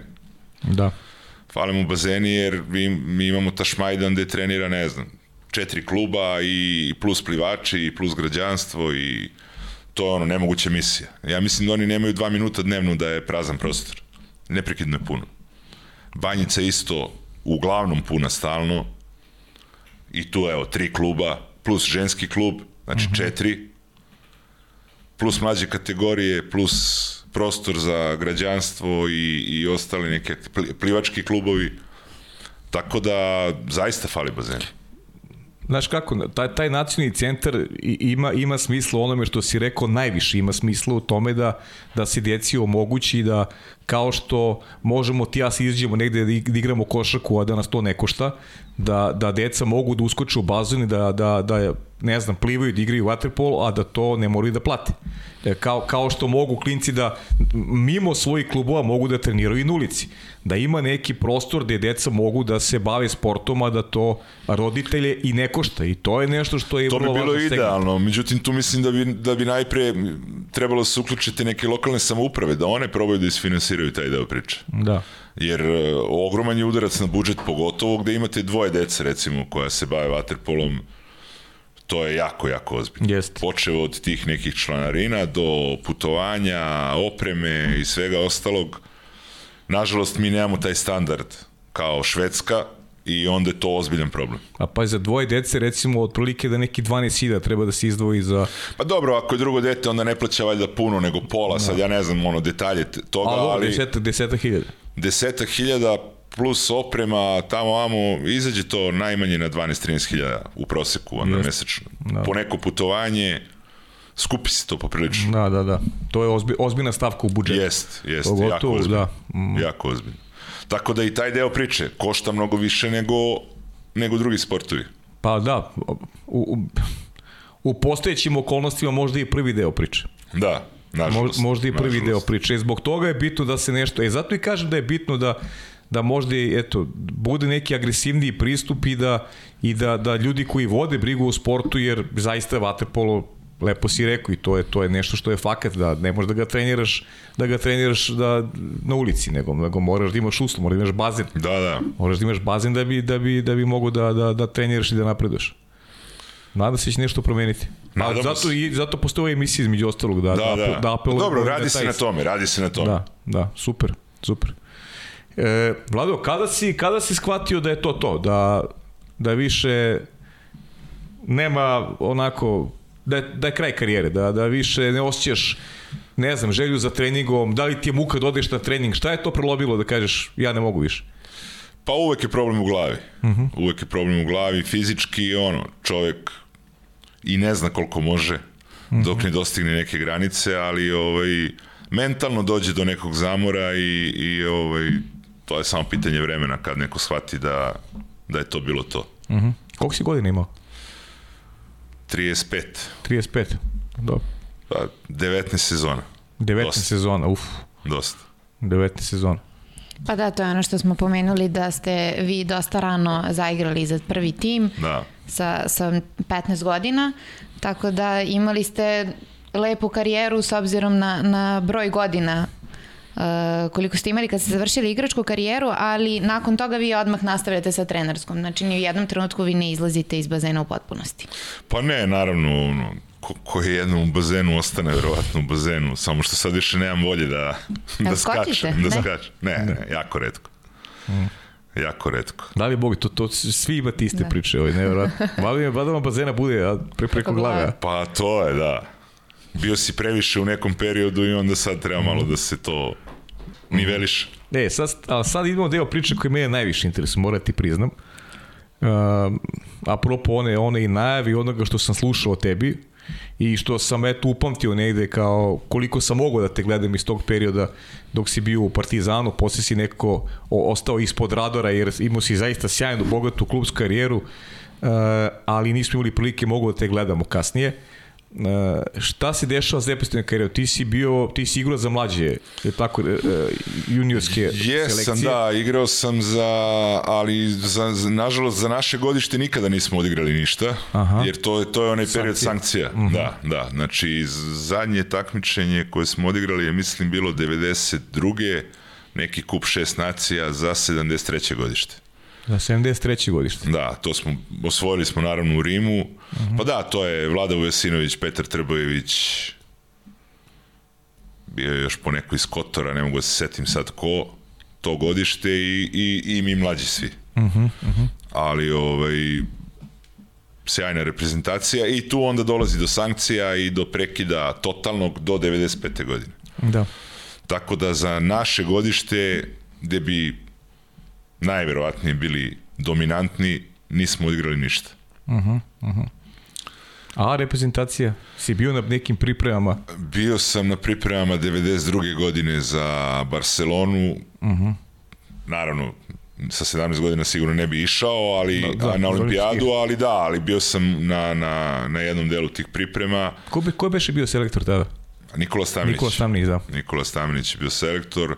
Centri su bili Igor Milanović, Viktor Jelenić i pokojni Dušan Popović. Uh -huh, uh -huh. Tri vrhunska centra, tako da logično ne bi bilo mesta za olimpijadu, ali da, bio sam na tim pripremama, onda dolaze te sankcije, onda dolazi period jedan poprilično tužan u smislu da jako je teško moglo uopšte bilo gde da se ide, uglavnom se sve svodilo na domaće prvenstvo i onda velika želja da da se što pre negde ode Aha. u inostranstvo. Naravno i finansijski je bila loša situacija, tako da ceo taj period za sport sigurno nije bio dobar. A ti? Kasnije reprezentacija? Da li, da li, da li žališ danas za, za, za time što nisi, što nisi igrao i Ajde malo da nam, eto, koliko možeš da nam, da nam, da nam otvoriš ovaj... Ne žalim za medaljama, uh -huh. žalim za društvo. Uh -huh. Jer mislim da, da, ovaj, da je to ono, ono pravo to neko druženje ovaj, sa, sa svim tim ljudima s kojima si odrastao i koje znaš od malih nogu, to mi je jedino možda žao, ali medalje kao medalje ne. Više žalim ligu šampiona. Više žališ ligu šampiona. E, ali znaš da. šta, Mo, je, ne, nešto ćeš, morat ćeš da mi kažeš, nešto jer pitaće mi ljudi prosto i, i e, kako god hoćeš upakuj, ovaj, upakuj priču, pitaće me mnogi zašto takav talenat, takav igrač nije ostio tragu reprezentaciji. Pa ti, ti, isključivo je moja krivica, e, da. To, to, to mi kaže. Znači, isključivo moja odluka, niko tu nije uticao ni na šta. Ja sam želao da što pre odem u Italiju. Uh mhm. -huh. To mi je nekako bilo ono, samo da odem. Uh mhm. -huh. Posle svih tih godina sankcija i, i ovaj, generalno loše situacije, uh mhm. -huh. ovaj, tako da, ovaj, znači, isključivo moja odluka, niko nije uticao na to. Da, da, dobro. I zato i ti svoj, svoju odluku negde, da kažem, vredno još u smislu da ne žališ za onim, za nekim prostim lekom u principu. Naravno, sad, da, da, da li s ove distance mogu da kažem da je dalje ispravno ili pogrešno? Pa naravno da je pogrešno, ali, ali ovaj, sam sam odlučio, tako da nije mi, nije mi to -huh. taj deo nije, nemam problem s tim. I, ima jedno pitanje, ovaj, da ga sada ne čitam, sada ću, samo ću da parafraziram ono što sam, što sam uh, pročitao, uh, da li, da li savjetuješ mlađim igračima koji su podjednako talentovani da ne idu tvojim putem, nego da urade, da urade suprotno u nekim... Pa naravno, naravno, pa naravno reprezentacija treba da ti bude na prvom mestu. Uh mhm. -huh. I to je neki vrhunac karijere. Uh mhm. -huh. Tako da, ovaj, mi smo iz razno raznih razloga, da li opravdanih i ne, proživjeli u nekom čudnom periodu i onda bilo je i čudnih odluka i svega i svačega, ali mm. ovaj, ne, naravno, pa to je... Pa, jer postoji lepši osjećaj nego kad svira himna? Ne postoji. Pa ne, nema ništa bolje od toga. Ka, kad ti je bilo, ili bilo neki moment kad ti je bilo onako teško ili, ili ne znam, da si pustio suzu, ti je bilo drago zbog tvojih sapatnika iz, iz generacijskih koji su osvajali. Ne, uvek mi je bilo drago. I uvek, uvek da, mi je bilo drago, Dra, ne, naravno, te, naravno. Teško što te nema i o, s druge strane, ovaj, kada ti bilo najlepše kada si ih vidio na, na podijumu? Koja ti je, koja ti njihova titula najdrža? Možda iz Kranja. A iz Kranja, aha. Da, da, možda ta. Uh mhm. -huh. Možda ta. Ali mislim, ono, uvek se raduješ, naravno, pa... Da, naravno ljudi s kojima si odrastao, koje znaš ceo život, naravno da je drago kad, kad naprave nešto dobro, a napravili su puno toga dobro. Jesu, da. Ogroman broj medalja. Uh mhm. -huh. Šteta što ta generacija nije uzela zlato olimpijsko. A imala je kvaliteta sigurno. Pa da, to je... Neke druge stvari se nisu poklopile, ali... Pa to je ona, ona, ona Tina čuvena. Tina to je... i Dejan Savić. Pa dobro, da. Pa nije samo Tina, bilo koja olimpijada. Mm. Nisu ti Mađari toliko baš bolji bili od nas. Da, ta Tina je baš bila specifična, pazi, gledao sam, sa, uživo sam gledao i baš se dobro sećam ovaj, i tog vojstva i šta se sve odigravalo, ali dobro, misli, to je, sve ima, sve ima neku svoju pa, priču. Dobro, naravno, naravno. Sport je to, nikad ne možeš da predvidiš stvari. Nikad se ne zna. Da. A kaži mi trener neki koji ti onako ostavio najveći onako trag u karijeri, koga bi najviše apostrofirao? Misliš kao igrača, kao igrača? Kao igrača, da, kao igrača. Ne znam, možda se neko neće složiti sa mnom, na mene lično Ratko Rudić. Ratko Rudić, aha. Da, da. Uh mhm. -huh. Mada je bilo puno tu trenera ovaj, koji su uticali na, na naš razvoj, na, na našu karijeru, ali ovaj, da kažem iz te seniorske konkurencije možda je i to bio neki ono lični, znaš, uh. -huh. moment gde, gde, gde sam ja razumeo njega, on mene, ali ovaj, na mene lično on uh. -huh. u seniorskoj konkurenciji. Ratko, a šta ga to? Šta Inače, ga... ovako da kažem, ako gledamo, ako računamo i mlađe kategorije, sigurno Maksa pokojni koji Maksa je, pokojni. da, da, uh mhm. -huh. to je bio jedan čovjek koji teško je, teško je ovaj, da se ponovi još jedan takav. Uh mhm. -huh. Koliko je važan, koliko su važni ti ljudi koji svi ističete ovaj, te, te trenere, eto i Mirko Bosanac, Maksa, Uh, znaš, to, to je, verujem da imate negde u glavi da, da treba da nastavite tim njihovim putem. Mnogo da, važno. sigurno, sigurno. Jer to, to je možda najvažniji period da kažem, za, za igrače koji su u stasavanju, da imaju u sebe pravu ličnost, tu neku figuru koja je negde i očinska figura i opet koja, koja autoritetom znanja može da ih, da ih uvede, uvede u pravi put. Pa naravno, naravno, mora da bude jedno i drugo, ali ja se trudim koliko god ono, mogu i umem uh -huh. i mhm. znam, ovaj, bar u tom radu sa decom da da im prenesem i te neke stvari koje su bitne za život i najvažnije od svega je da oni budu dobri ljudi, a, a onda dođe ovo, ovo dođe samo po sebi. Ma da, naravno, naravno. Kaži mi Tokio, kako si Tokio ovaj, doživio, kako si, ga, kako si video celu priču i si očekivao da će ova generacija na ovaj način da se oprazi? Evo ovako ću da ti kažem. Ajde. A, Tokio, polufinali i finali sam gledao u Savezu. Aha. I mislim da sam jedini ja bio miran. Dobro. Razlog zašto sam bio miran, Dejan i ja smo sedeli i razgovarali pre Tokija, pre, pa da, pre Tokija, uh mhm. -huh. pre nego što su otišli. Verovao ili ne, on mi je ispričao sve kako će da bude. Stvarno? Da. I bilo je sve kako je rekao i ja sam bio potpuno miran, bio sam ubeđen da će da osvoje zlatnu medalju. Nevjerovatno. Pa šta, ajde, šta, šta ti rekao, ajde? Pa sad ne mogu sve da pričam. ne moraš sve, ali ono što možeš. Pa ne, čovjek je isplanirao kako će da ide turnir. Kako će da ide turnir. Čovjek je nacrtao ono što će se dogodi. Da, on je to isplanirao i to se dogodilo. Da. Što je nešto fenomenalno. Jeste. A moram ti kažem još nešto, ovaj, Sari ja smo ovde bili svedoci, imali smo tu jednog gosta koji je došao nakon čet, nakon čet, ne, pre četvrt finala.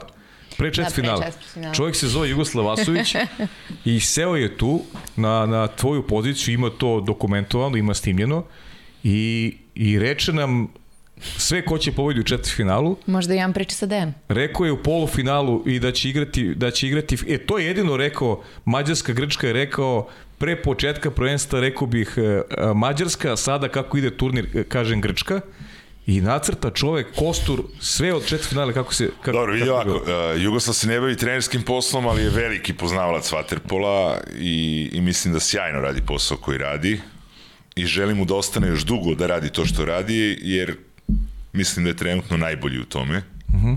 u Srbiji, a možda i šire, ali u svakom slučaju veliki poznavalac vaterpola. Zato, što, zato mene ne čudi što je on predvideo te stvari. Da. Tako da... Ja, čudo je kako, mislim, znaš, kako, kako možete to da osetite lepo, da, ali dobro, to je, to je neko iskustvo koje sada, koje sada postoji u vama i, i, i e, to je ono što je dobro. Ta vaša generacija uh, iz ovog ugla je nama svima koji volimo vaterpolo i pokušamo da utičemo malo i na javnost time što ćemo da vas upoznamo i da apelujemo na, na neke ljude e, e, to vaše znanje koje prenosite na mlade, to je nešto što je što je neprocenjivo sada i, i, ove nove generacije ne treba brinuti za, za, za budući srpskog vaterpola, ali treba konstantno raditi na tome da uslovi budu bolji. Naravno, treba da budu bolji uslovi i, i, i vrlo je bitno da, da, ovaj, da što bolji treneri rade sa što mlađim igračima. Uh -huh, uh -huh. To je jer taj neki početak, ti neki počeci su jako, jako bitni. Uh -huh. Počeli su i treneri da, da neki da se vraćaju, tako da, e, da to pretpostavljam da. da će biti još toga, uh -huh. ovaj, tako da vrlo je, vrlo je bitan taj rad sa mlađim kategorijama. Uh -huh. E, sad ću te pitam neke stvari koje, koje su onako iz serije ovih pitanja koje smo dobili i preko, i preko, preko Instagrama. Ovaj, polako ulazimo, ulazimo u tu fazu u tu fazu emisije. Pa jedno od pitanja je bilo ovaj, e, da li si imao neku, neku neprijatnost tokom karijere i, i sa kim si imao najviše problema? Ko, ko te je najbolje čuvao o, o, od bekova da si, da si to zapamtio? Pa neprijatnost ne, nisam imao mhm. neprijatnost. Uh, najbolje kome čuvao od naših igrača, u svakom slučaju Vlada Vujosinović. Uh -huh. To je noćna mora bila svaka utakmica. ne znam njemu kako je bilo, ali meni je bila noćna mora. A od, eh, od stranih, Karlo Silipo. Karlo Silipo, aha. Da, Karlo Silipo je bio ozbiljan igrač. Uh mhm. -huh. I bilo je jako teško i nezgodno igrati s njim, ima duge ruke. Katastrofa isto. Uh -huh. Uh -huh. A golman, najbolji golman protiv kog si, kog si igrao, kome si ovako teško davao golove, ili imaš nekog? Pa, mislim, proti koga sam igrao... Pa ne, ne pada mi na pamet nikog da izdvojim. Uh -huh. Mislim, a, proti koga sam igrao ovde kod nas, mogu da izdvojim Šoštara. Uh -huh. Jer to je sam vrh Da, da. koji postoji, i, ali protiv njega nisam igrao, s njim sam igrao. Denisa Šefika koji je za mene lično broj jedan. Denis je znači broj 1, da. Da, za mene je Denis broj jedan, ali sad da se ne naljuti šole kad bude gledao, ali, ali Da, da, da, i, i on je broj jedan. Teško je, teško je razdvojiti ih. Svako je imao neke svoje, svoje kvalitete, ali u svakom slučaju po meni dva najbolja golmana na svetu ikada. Uh Mhm. -huh. Su Denis Šefik i, i Aleksandar Šoštar. Na svetu, znači ne, ne priznajemo ove druge golmane. Ja sam dobila pitanje, da li je ikada čuo za vaterpolo u Bosni i Hercegovini i šta misli kakvu perspektivu im? Pa čuo sam kako ne, igra borac iz Banja Luke postoji. Uh -huh. Perspektiva, pa vidim da je tamo krenulo sa, sa, ovaj, s nekim bazenima. U Trebinju je napravljen bazen. Čak može da se desi da, da reprezentacija tamo napravi jedan deo priprema, možda, sa, sa Crnom Gorom, tako da perspektiva, pa mislim, trebalo bi da ima mnogo više bazena mnogo više bazena i ljudi voljnih da, da se posvete tome i da rade. A inače, poznato i u Bosni su ljudi veliki, tako da ne, Da. Bi, ne bi bio problem. Da, definitivno. E, igrački uzor. Pa, znaš kako, ako može o tome se priča, mada mi smo malo drugačije gledali na to, ta moja generacija, ali u svakom slučaju tada, u to vreme, igrač kome si težio da, da, ovaj, da se približiš je bio Igor Milanović. Igor Milanović. Da, na moje pozicije. Ti pogotovo na Naravno. tvojoj poziciji, na da. moje pozicije. Čovek od kog sam mnogo naučio da kažem, mada ja nikad nisam igrao nešto posebno u odbrani dobro, ali koji mi je puno toga pomogao i, i podržavao kad sam krenuo treninge s prvim timom je Dragan Andrić. Da, Tako Dragan da- koji, nažalost, nije više ovaj aktivan u Vatripolu, imao je prilike sede, Da, da, video sam, gledao sam to što je bio, da, ovaj, da, nažalost nije više u Waterpolu, ali, ali ovaj, to je taj deo kad stariji igrači ovaj, pruže neku podršku i, i ovaj, imaju volje da, da objasne mlađim igračima. A on je imao i strpljenja i volje. Igor koji se vratio umeđu vremenu u Vatripolu posljedne, Da. i posljedne stanke, dakle, prevoz od Novi Beograd. Da, želim mu puno uspeha. Da, Igor koji je bio prvak Evrope kao trener i s Partizanom i Dva puta, prvak, da. i, i sa Prorekom, da. Tako je, tako je. Ja mu želim da bude i treći put da. sa Novim Beogradom. Dobro, tržimo u fige svi, naravno. Novi Beograd je jedini srpski klub koji će igrati sigurno na Final 8, to sad već sad možemo Da, da, sa kažemo. sigurnošću pa da. da. nemamo, nemaju šanse realno, ni radnički, ni, ni Crvena zvezda. Pa ajde, možemo i to, ajde, pre nego što još prođem neka pitanja ovde. E, kako gledaš ove godine na, na, na Ligu šampiona?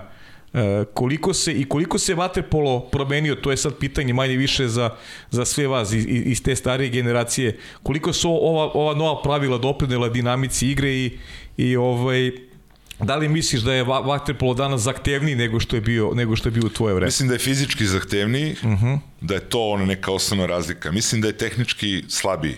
Tehnički slabije. Uh -huh. Da, mislim da je tehnički slabiji, ali da je fizički mnogo zahtevniji. Uh -huh. Uh -huh. Tako da, da, promenio se naravno, promenilo su se pravila, svašta se menjalo. Ima, ima razlike poprilično. I nezahvalno bi bilo uopšte upoređivati, praktično je nemoguće. Uh -huh. Sad neke generacije, kao što ni ove pre nas sa nama, tako ni, ni ove sad generacije sa nama, isto je on. Uh -huh. Uh -huh. Besmislen. A šta sam, šta sam pitao na početku još? E, a Liga šampiona, da. Da. Kako gledaš na Ligu šampiona ove godine? Liga šampiona mislim da nikad nije bilo više kandidata za, uh -huh. Za za osvajanje, da, -huh. za prvaka. Breša, Barceloneta, Novi Beograd, Olimpijakos, uh -huh. čak i Ferenc Varoš, Pro Reko, Reko, Marsej, Jug. Ništa, došli smo na Final Marse. Jug. Pa da, svih osam ekipa, dobro. Pazi, sad tu ih ima devet, neko mora da ispadne. Jer Ferenc, Neko će, da, neko će još da ispadne. pa, da, da, neko del, će da deluje mi da će Ferenc Varoš. Vrlo moguće. Deluje da će moguće. Ferenc Varoš, igrali su već, već nekoliko utakmica igri bez Deniša Varge i to se primećuje Pritom Da, nešto da. priča se da Vamos ide Olimpijakos, da je tu opet dolazi do neke, do neke smene unutar ekipe, ali, ali mi, mislim da je, da je, da je Denis Vargas što ne igra da si tekako. Izgubili su dve baš ubedljive utakmice. Pa dobro, tu sad dolazimo novi italijani, znaš, već sad počinju da zovu igrače. Pa da, da remete malo pred Final Eight. pred Final Eight, da. Ali dobro, to je Pa to, to je pravo. sastavni deo pa, da, mislim sporta. Da. Pa jest, jest. Ali bit će, bit će vrlo neizvesno po meni. Je, smeš da prognoziraš ili... Pa znaš kako, s obzirom da je Novi Beograd jedini naš klub, meni bi bilo drago da oni osvoje. A, a ove, s druge strane, lično, moje neko viđenje je da tu Olimpijakos ima najveće šanse. Da, Ali sad to je on. da, da. Vrlo relativno, šta će biti do kraja. E, da ne zaboravim, e, naša koleginica Aleksandra Ivović nešto ovaj, uvela kao, kao eto, praksu za goste, pošto pripremamo dolazak e, Ivan Raković će konkretno biti prvi sudija koji će doći da, da malo probamo nešto iz, iz tog sudijskog ugla da se da se ovaj da malo približimo publici e, da svaki gost e, ne sad njemu konkretno, nego kad bi imao eto priliku da, da pitaš nešto sudiju nekog, šta bi ga pitao ovako, ovako javno vezano za, ne znam, za kriterijum, za nemam pojma, da eto, da bude nešto, da bude nešto prihvat, pri, pri, prihvatljivo. Ah, To de mene baš da pitaš. Ja sa sudijama nikad nisam bio. Mislim kao igrač, ne. ne Nisi mislim bio, nisi bio na liniji, pa dobro, da, to Nismo, je. da, uvek smo imali oprečna mišljenja. Da. Pa nešto što tebe, eto, kao neko pravilo što ti nije jasno ili pošto pošto vidim da, da ima ima dosta polemika vezano za... Znaš kako, sve mi je jasno, samo, samo ostavljeno je kao i uvek što je bilo, ostavljeno je previše toga na, na nekoj slobodnoj proceni. Uh -huh, uh -huh. I onda to zavisi od sudije do sudije. To su, to su neki realni problemi. E pa dobro, eto i to je neko zapažanje koje ćemo, koje ćemo da. Da. da podelimo sa... Jer sudije naravno uvek dobiju, da li je Len u pitanju, da li Fina, oni dobiju neku direktivu u, u kom smeru i, i na koji način treba da ide suđenje, ali ipak je previše toga ostavljeno na, na neku slobodnu procenu. Uh -huh. I zbog toga dolazi do zabuna, zbog toga dolazi do nezadovoljstva, to je, to je osnovni problem. Nisu toliko jasna pravila kao u nekom sportu drugom. Pa da, to je nešto što što predstavlja problem, pogotovo zamisli pozicije nas koji nikad nismo igrali vaterpolo, Naravno, pa naravno. treba pa treba da nešto Da, da, pa ne. u sekundi mislim. Dešava se i meni nekada da gledam utakmicu i da ne znam zašto je nešto Jel tako? dosuđeno. Da, da. E, to, e, e, i to je još jedna stvar na kojoj mislim treba Recimo, raditi. da, recimo bio je primer skoro iz Kragujevca, uh Mhm, -huh, kad su uh -huh. igrali uh, radnički Novi Beograd. Nije bitno, ne sjećam se koji igrač bio. Uh, igrač radničkog je bio u napadu sa loptom u ruci i dobio je isključenje. Uh Mhm, -huh. Uh -huh. Što ja, koliko znam, u pravilima ne piše, on može da dobije ili s pravom zamene ili kontrafaul. Uh Mhm. -huh. Na osnovu čega je on dobio isključenje, to, eto, postavi to pitanje Rakoviću. Mislim čak da je on sudio. Hoću, eto super, hoću, hoću. Hoću naravno, jer baš, mislim, znaš kako, uh, iz načina onda imamo neku pomoć ovakvog tipa da, da prosto da, da znam šta i da pitam, znaš. Mislim, Da, da, da. To je, znaš, e, to je recimo zanimljivo bilo, jer Da, da. ja to nikad nisam video do sad. Prvi put sam video tu, tu situaciju da u napadu sa loptom u ruci dobijaš isključenje. da. To mi nije baš bilo najjasnije. A kako vam se čini var? Znaš šta ja znam, meni se to ne sviđa. Bolje da je greška, greška je greška, pa kakva god bila. Pa eto, imali smo var protiv Španije. u- Da, da, da, baš nam je dobro dosuđeno. Da, da. Mislim, to je malo ono. Nisam za to. Da. Dobro. Dobro. Uh, čekaj da vidim šta još ima. Kakav je Dejan Savić kao saradnik? E, jako je posuđen poslu, pa, pa da li ga je teško pratiti, pita Aleksandar Milošić. Ne, nije teško uopšte. Nije teško, a? Nije teško pratiti ga, sjajan je. Ne znam prosto šta bi ovaj mogu da dodam na to. No. E, pita Aleksandar, kaže, nekim drugim sportovima često je pojava da imamo uspešne mlade sportiste, ali kada dođe do sjenjorskih timova, onda se izgube. U Waterpolu ne toliko. E, onda ima tv- tvoj primer, da. Šta uraditi da se da se to ne dogodi. Ali dobro, to je sad malo ovako jedna, jedna šira tema. Jesi imao neka to- pola da ideš u Ameriku? Na, na, na, da studiraš tamo? Pa bilo je nekih priča, mi smo 91. bili u, u Americi na svetskom prvenstvu tom do 20 godina, uh -huh. ali ovaj, u to vreme to nikog nije zanimalo. Da, da, da. da. Tako da ovaj, nije. To za mladi, pa znaš kako, to za mladi igrače, to je sad već stvari politike klubova. Uh Mhm. -huh. Jer ovaj, eh, nekad po meni preterano se žuri sa nekim trenutnim rezultatima bolje je napraviti plan malo na, na duže staze i, i ovaj, izgurati mnogo više svojih igrača nego kupovati sa strane igrače. Uh -huh. Ali to je ono, lični izbor svakog kluba, tako da tu ne može niko od nas da utiče na to. Mm. E vidiš, sad, smo, sad smo opet zagolicali jednu temu koja, je- koja je zanimljiva. Deki mi je svoje vremeno pričao, do duše beš sada već davnih dana, e, koliko se eto i tu promenila slika.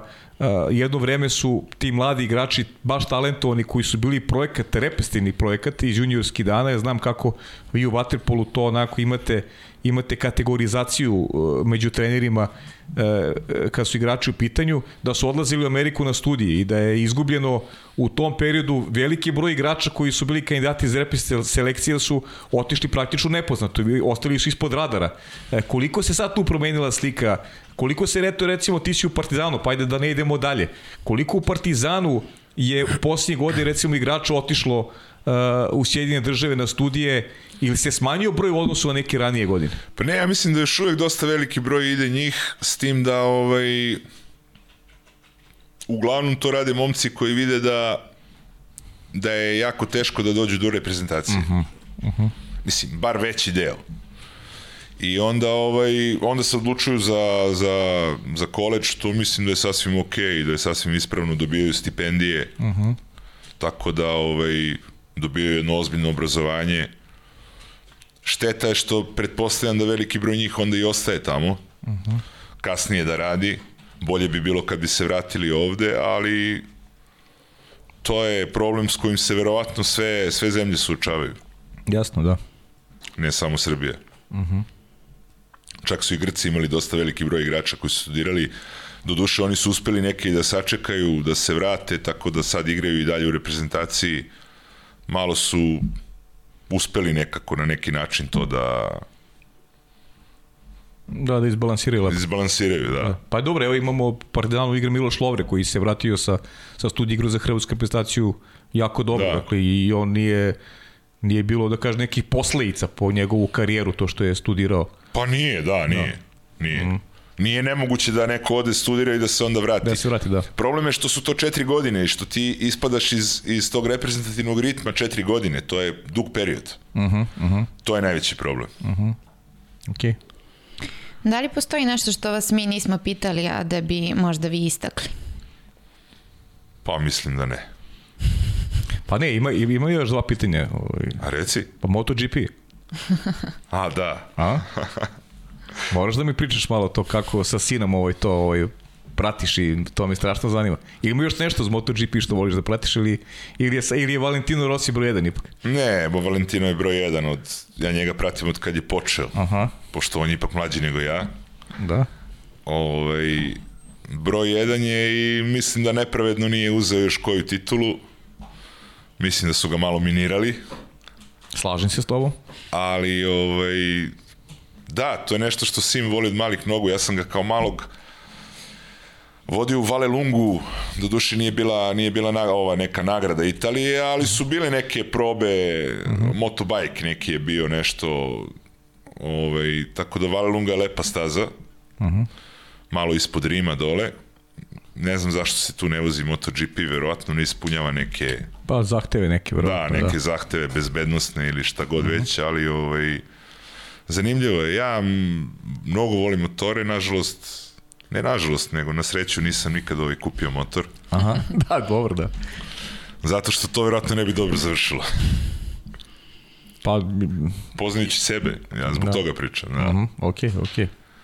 Pa, na šta još moraš da, da vodiš, da imaš ovaj kao neki dobar uh, reper uh, i gde treba da voziš, znaš, ovde ljudi nemaju uh, kulturu Tako je. da prate, da prate neko ko vozi motocikl. Da, da, da, pa to nije. Iskreno ovde, kažem naravno. koliko puta ja kad je krenula ta ekspanzija, znaš, pa, pa uopšte mi se, znaš, popuno zaborim da neko možda prođe pored mene, jer ne, znaš, nemam prosto Previdimo, svest o previdimo tome, znaš. automobil, a ne motor. Tako je, previdimo automobil, a motor pogotovo, jer, jer nemam svest o tome, nisam navikao, znaš, nije Da, da, neko da. vreme mogo odrastanje, nije bilo toliko motora na ulici. Znaš, to je Jeste, jeste, to u svakom slučaju. Motor je lep za pistu, lepi za pistu, jeste, da. Samo što je to skupo. Skupo, da. Sve znam. da. A, ćemo porodicu, može.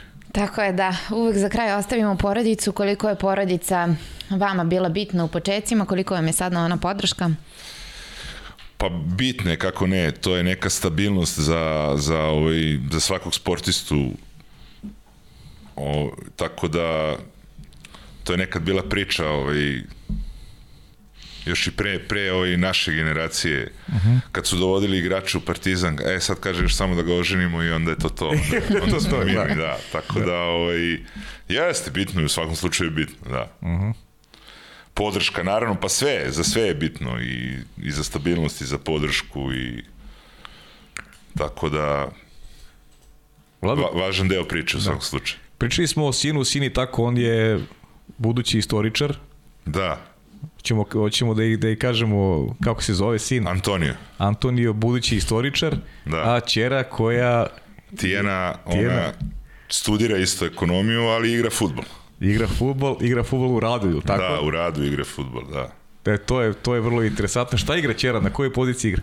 Pa igra tamo ono neki centralni bek, ako se ja dobro razumem futbol, Aha, ili, dobro. ali, ali u svakom slučaju igra u odbrani, da. Igra u odbrani, aha. Da, igra u odbrani. Tako da, pa ne znam, to je neka njena ljubav, ne znam ja kako je došlo do, do toga tačno, ona se dugo plašila da mi uopšte kaže to. Ili tako, aha. Da, da, nije znala kakvu će reakciju da očekuje, međutim ja nemam taj problem. Naravno, pa naravno. Tako da, ovaj, igra, igra, zadovoljna. Čerka je naslednik sportske ovaj, tradicije u, u porodici Marković. Da, da, moj otac je svoje vremena igrao ragbi, Aha. dok nije polomio nogu. To je tako s ragbijem, tako da, ovaj, da, ima uvek poneko. Ima po neko. Biće valjda poneko. Vlado, ne znaš šta još da ti kažem, ja, mislim, ja bi ti pitao još svašta nešto, ali ostavit ćemo to za neko drugo gostovanje. Mislim da smo se lepo ispričali.